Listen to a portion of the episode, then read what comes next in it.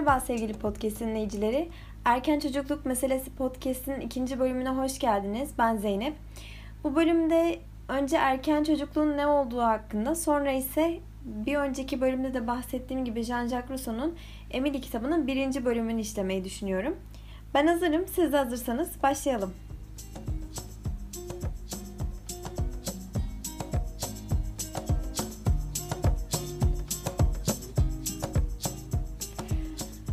Madem podcast'in ismi erken çocukluk meselesi, e, bu konuya girmeden önce erken çocukluk tanımını yapmam gerektiğini düşündüm. Evet, erken çocukluk. Yaşamın mucizevi yılları. Yani çocukların tüm gelişim temellerinin en başta olduğu, en çok geliştiği dönem olarak geçiyor. Kısaca tanımını yapacak olursak, çocukların ana rahmine düşüş ile 8 yaş arası dönemdeki gelişimidir. UNESCO'nun uzun tanımına göre ise doğumdan 8 yaşına kadar olan dönem olarak tanımlanan erken çocukluk dönemi beyin gelişiminin zirvede olduğu dikkat çekici bir büyüme dönemidir. Dolayısıyla bu tanımda söylendiği gibi çocukların zihinsel gelişiminin, fiziksel gelişiminin ve diğer alanlarının büyük bir kısmının yani %80 kadarının oluştuğu dönemdir. Bu nedenle çocukların bu yaş aralığında zihinsel, fiziksel gelişimlerini en üst seviyede tutacak şekilde desteklemek önemli. Tanımımızı yaptığımıza göre Gelelim bu haftaki konumuza. Emily bence güzel bir isim. Bir Fransız ismi. Çünkü kitabın yazarı olan Jean-Jacques Rousseau da Fransız zaten. Kitaba geçmeden önce kitabın yazarından bahsetmem gerektiğini düşündüm birazcık. Kendisi Fransız söylediğim gibi radikal görüşleriyle bilinen Fransız bir düşünür, yazar. Onun görüşlerine göre çocuklar doğuştan kötülükle dünyaya gelmezler. İyilik onların doğasında vardır. Zaten e, Jean-Jacques Rousseau bu eserinde iyiliğin iyilikle sonuçlandığını ve insanın asıl kötü yapan şeyin bitmek tükenmeyen istekleri, hırsları olduğunu savunuyor. Bu eserde Rousseau çağının ötesinde bir görüş sergiliyor açıkçası. Çünkü kendisi 18. yüzyılda yaşamış birisi. Çocuklara çok önem vermiş ve çocuklara yönelik eğitimin nasıl olması gerektiğinden bahsetmiş. Şimdi Rousseau'nun bu kitabının birinci cildinde nelerden bahsetmiş hep beraber bakalım. Şöyle diyor Rousseau. Çocukluğu hiç tanımıyoruz. Rousseau çocuklar hakkında ne kadar ileri gidersek o kadar yanılıyoruz demiştir. Yani e, çocukları anlamaya çalışırken aynı zamanda onlara yönelik yanlış görüşlerimiz oluyor. Bu kitapta da Rousseau bizi biraz aydınlatmaya çalışıyor. Hangi yönlerden bakmalıyız, ne tür perspektifler gelişmeliyiz bunu göstermeye çalışıyor. Bu yüzden Rousseau'nun ilerleyen bölümlerde o zamanın ebeveynlik bakış açısından ne yenilikler yapmaya çalıştığını göreceğiz hep beraber. Öncelikle Emily'nin kim olduğundan bahsedelim. Yani bu Emily dediğimiz bir karakter aslında. Emily, Jean-Jacques Rousseau'nun hayalinde oluşturduğu bir çocuk. Ve kitap boyunca Jean-Jacques Rousseau, Emily'nin doğumdan yaşının ilerleyen yıllarına kadar onun tüm haklarını yüklenerek mirasçısı oluyor ve büyürkenki süreçlerini yönetiyor. Bu birinci kitapta bu süreçten fazla bahsetmiyor. Bu sürece fazla girmemiş. Ama Rousseau daha çok anne baba tutumları, çocukların nasıl yetiştirilmesi gerektiğini, bebeklik dönemindeki bazı e, davranış şekillerini örnek veriyor ve yanlış bilinen doğrulardan bahsediyor. Emily'e dönecek olursak, Emily yetim, soylu bir Fransız aileden geliyor. Çünkü ona göre yoksulların eğitime ihtiyacı yok. Çünkü yoksul ile zengin kişinin bulunduğu koşullar ona göre aynı değil. Burada onun ilginç fikirlerinden birisi diyebiliriz.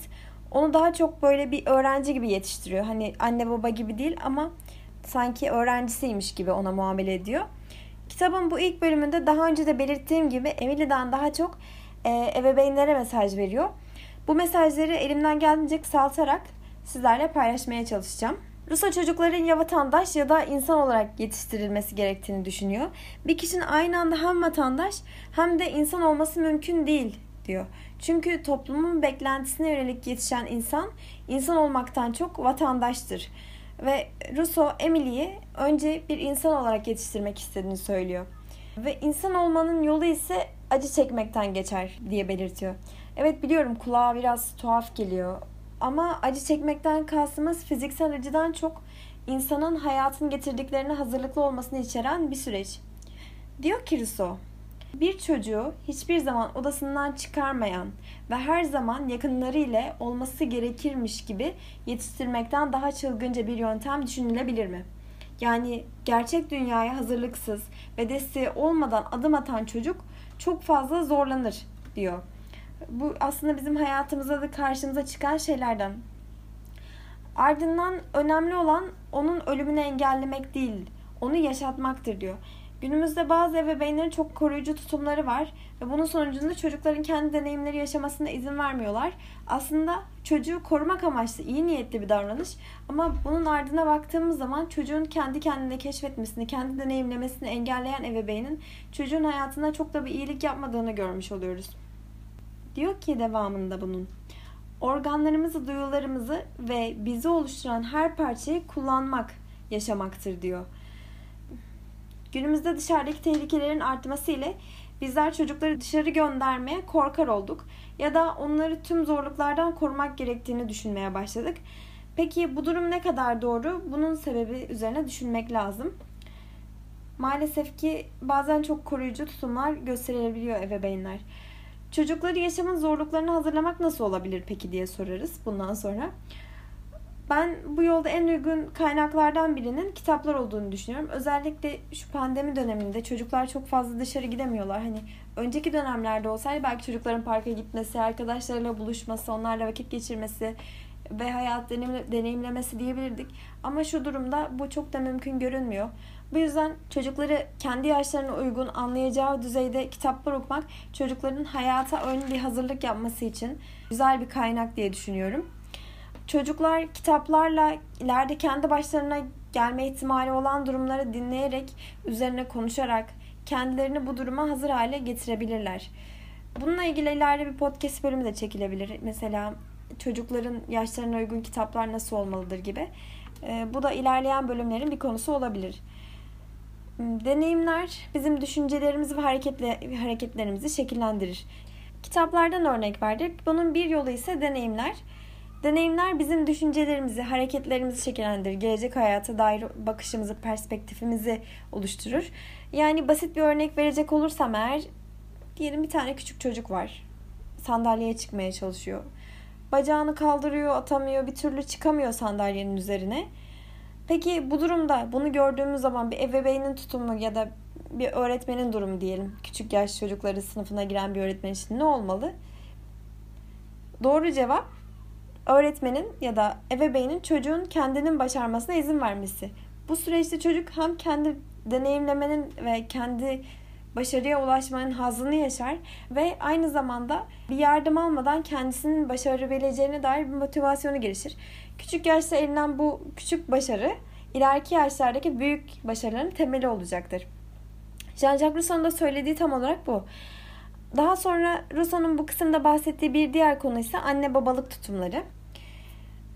Annelerin çocuklarına karşı olan görevlerindeki hassasiyetlerinden bahsediyor. Diyor ki görevler karşılıklıdır. Bunları bir taraf doğru dürüst yerine getirmemişse öteki taraf ihmal edecektir. Bir kadın annelik özenini ihmal eder ya da aşırıya kaçar ise çocukluğun zayıflığını hissetmesini engellemek için zayıflığına zayıflık katıp onu besler ise onu bir süre sıkıntıdan korur ve onu gelecekte büyüdüğünde karşılaşacağı durumlara hazırlamaz ise o doğal yoldan sapmış olur diyor. Bununla ilgili literatürde bilinen bir kavram da var. Erken çocuklukla ilgili yani helikopter ebeveyn. Yani çocukların etrafında böyle pervane gibi dönen, onun kendi deneyimlemesine izin vermeyen e, ebeveynlerden bahsediyoruz. Bu ebeveyn stiline sahip ailelerde büyüyen çocuklar daha çekingen ve kendini ifade edemeyen çocuklar olabiliyor maalesef ki. Bununla ilgili bir örnek verecek olursam bir oyun alanında çalıştığım zamanlarda bir ebeveyn ve küçük çocuğu geldi. Çocuk muhtemelen 3 yaşlarında olmalı. Anne e, çocuğun kendi etkinlik yaparkenki sürecine her adımına karışıyor. Yani karışmak derken tabii onu izleyip ona olumlu geri bildirimler vermekten bahsetmiyorum. Benim bahsettiğim şey ebeveynin çocuğun sürekli bir şeyleri yapmasını, yanlış yaptı, doğrusunun ne olması gerektiğini göstermesi. Bunun yanı sıra etkinliği yaptıran kişiye de sürekli müdahale ettiğini gördüm. Böylece çocuk kendi başına yapmaktansa sürekli annesinin desteğini aradı ve e, annesi ortamdan çıkıp gittiği an kendini çekingen, korkak ve ne yapacağını bilemez halde buldu. Maalesef ki bu ve çocuk yetiştirme stiline dair olumsuz bir örnek. Tabi bazı ebeveynlerin özel durumu oluyor. Çocuk belki hastalık geçirmiştir. Çocuk belki e, iletişim ya da bir sorunu vardır. Ebeveyn bu durumda çok koruyucu olabiliyor ama bu durumda da kendini gözden geçirip, davranışlarını gözden geçirip çocuğa ne kadar yakın davranması gerektiğini, çocuğa hangi şekilde yaklaşması gerektiğini bir düşünmeli bence. Peki bu tutumun bir zıttı var. Çocuğa sınırsız özgürlük tanıyan, her istediğini yapmasına izin veren aile tipi. Bu şekilde yetişen çocuk ise disiplinsizliğin verdiği ölçü buyurgan ve her istediğini yaptırmaya çalışan bir çocuğa dönüşecektir. Her iki stilde sağlıklı bir bireyin gelişmesi için uygun değil açıkçası. İlerleyen bölümlerde bu ebeveynlik tutumları hakkında da bir bölüm çekebilirim. Jean-Jacques Rousseau bu nedenle çocuğun doğasında iyi olarak dünyaya geldiğini, ancak ebeveynin yaşantıları ile çocuğun gelecekte sahip olacağı karakterleri etkilediğini düşünür. Daha sonra Rousseau anneler kadar babaların da çocuk yetiştirmedeki önemine değiniyor. Çocuklara vakit ayıramayacak kadar çalışan bir insanın çocuklarını da sevmediğini söyler. Gerçekten çok net ve keskin bir dille ebeveynleri uyarıyor. Eğer kitabı kendiniz de okursanız bunu fark edeceksinizdir. Ebeveynleri gerçekten sert bir dille uyarıyor. Ben burada birazcık daha e, dinleyici kitleme hitap etmek istediğim için biraz daha yumuşak almaya çalışıyorum ama gerçekten okursanız siz de bunu göreceksinizdir. Anne babanın yetersiz ilgisi çocukların aile bağlarının çok kuvvetli olmasına engel olacağını, hatta ileride kardeşlerin bile birbirlerine yabancı muamelesi yapabileceğini söylüyor. Yani bu açıkçası üzücü bir durum. Yeterli ilgiyi göremeyen çocuklar kendilerini ailelerinden uzaklaşmış hissediyor ve hatta ve hatta kardeşlerine de o samimiyeti duyamıyorlar maalesef ki. Russo şöyle devam ediyor. Bir baba çocuğunu doğurup beslemek ile görevini ancak üçte birini yerine getirmiş olur. Onlarla kaliteli vakit geçirmek ve onları eğitmek babanın görevidir. Bunu yapamayan baba para ile çocuğuna bakacak birini tutar ve bu durumda çocuk kendini yetiştiren kişiye benzeyecektir. Ve ardından ise çok sert bir dille şunu söylüyor. Bir çocuk kendini iyi yetiştirmemiş biri tarafından nasıl iyi yetiştirilebilir diyor. Bu süreçte de ebeveynlerin, öğretmenlerin ve çocuklarla ilgilen kişilerin de kendi bir sorguya, iç sorguya çekmesi gerektiğini düşünüyorum. Ee, bu noktada çocuklarla vakit geçirmeyen anne ve babanın zamanı nasıl daha kaliteli geçirebileceği hakkında düşünmeleri gerekir. Kitapta ebeveynler ile bahsedilen bir diğer konu ise tutarlılık. Yani anne ve babanın çocuğa olan bireysel yaklaşımlarında gösterdikleri tutarlılık hem de beraber hareket ederkenki davranışlarındaki tutarlılık. Çocuğun yaptığı ve doğru kabul edilmeyen bir davranışta e, ebeveynlerin çocuğa karşı yaklaşımları aynı olmalı ki çocuk anne ve babasını tek bir birey olarak görebilsin. Örneğin küçük çocuk arkadaşına zarar verdi. Tabii ki bu durum bilerek ya da isteyerek mi oldu onu sorgulamak, onu konuştuktan sonra çocuğa davranışı hakkında hem anne hem babanın aynı davranışı göstermesi gerekmektedir. Bu sayede çocuk doğru davranışı öğren öğrenir ve ikileme düşmez. Örneğin parkta bir arkadaşına zarar verdiğinde e, bu davranışı isteyerek yaptıysa anne baba ya da anne uyarabilir. Neden bu şekilde davrandın? Yani bu şekilde neden davranılması gerektiğini söyleyerek açıklayabilir. Ama aynı durumda baba bu davranışı göstermiyorsa, çocuğunu savunuyorsa her durumda ya da çocuğun yanlışını aramıyorsa bu durumda çocuk annesinin ona karşı bir tutum aldığını, babasının silah onun, onun yanında olduğunu düşünüp hem annesine karşı olumsuz bir fikir edinip hem de e, bundan sonraki davranışlarında kendi istediği gibi olayları sorgulamadan davranabilir. Bu noktada çok dikkatli olmak gerekiyor bu yüzden. Bütün bu çocukları geleceğe hazırlamak ebeveyn tutumları kısımlarından sonra kitabın birinci kısmının sonunda bulunan dil gelişiminden bahsetmek istiyorum. Jean-Jacques Rousseau dil gelişiminin nasıl olması gerektiğinden birazcık bahsetmiş bebekler için özellikle. Dil gelişimi çocukların dış dünya ile iletişimlerinin kapısı ve çocuklar bu kapıdan geçmeden önce birçok süreçten geçiyorlar. Önce dinler, nesnelerin kelimelerle ilişkili olduğunu anlar ve çeşitli konuşma aşamalarından geçip nihayet konuşurlar. Rousseau çocukların dil gelişiminde takip edilmesi gereken aşamaların nasıl olması gerektiğine dair örnekler vermiş kitabın kısmında. Çocuğun duydukları ilk harf birleşimlerinin kolay, belirgin, sık olması ve elle tutulur nesneler olmasını isterim demiş. Örneğin çocuğun ilk kullandığı kelimelere bakarsak hani mama, baba, anne gibi bunlar tekrar eden basitecilerdir. Bu süreçte tekrar bu yüzden çok önemli. Çünkü çocuklar taklit edebilecekleri sesleri duydukça onları söylemek için daha çok motive oluyorlar. Çocuklara elle tutulur nesnelerin isimlerini öğretmek ve bu kelimeleri cümleler içerisinde kullanmak çocuk gelişimi için hızlandırıcı olacaktır. Diyor ki Rousseau Çocuğun sözcük dağarcığını olabildiğince daraltınız. Düşüncelerini karşılayacak seviyede kelime haznesine sahip olması yeterlidir. Bu konuda çocukların günlük hayatta kullanabilecekleri kelimeleri öncelikli olarak öğrenmesinin doğru olduğunu söyleyebiliriz.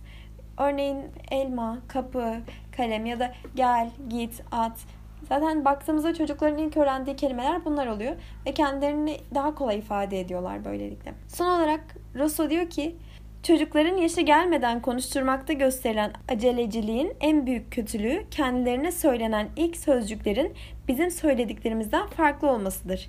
Ve yanlış anlaşılan bu aceleciliğin onların konuşmasını daha çok anlaşılmaz duruma gelmesine yardımcı olur diyor. Kısaca çocuğun her alanda olduğu gibi dil gelişiminde de kendi çizgisinde ilerlemesine izin verin diyor Rousseau.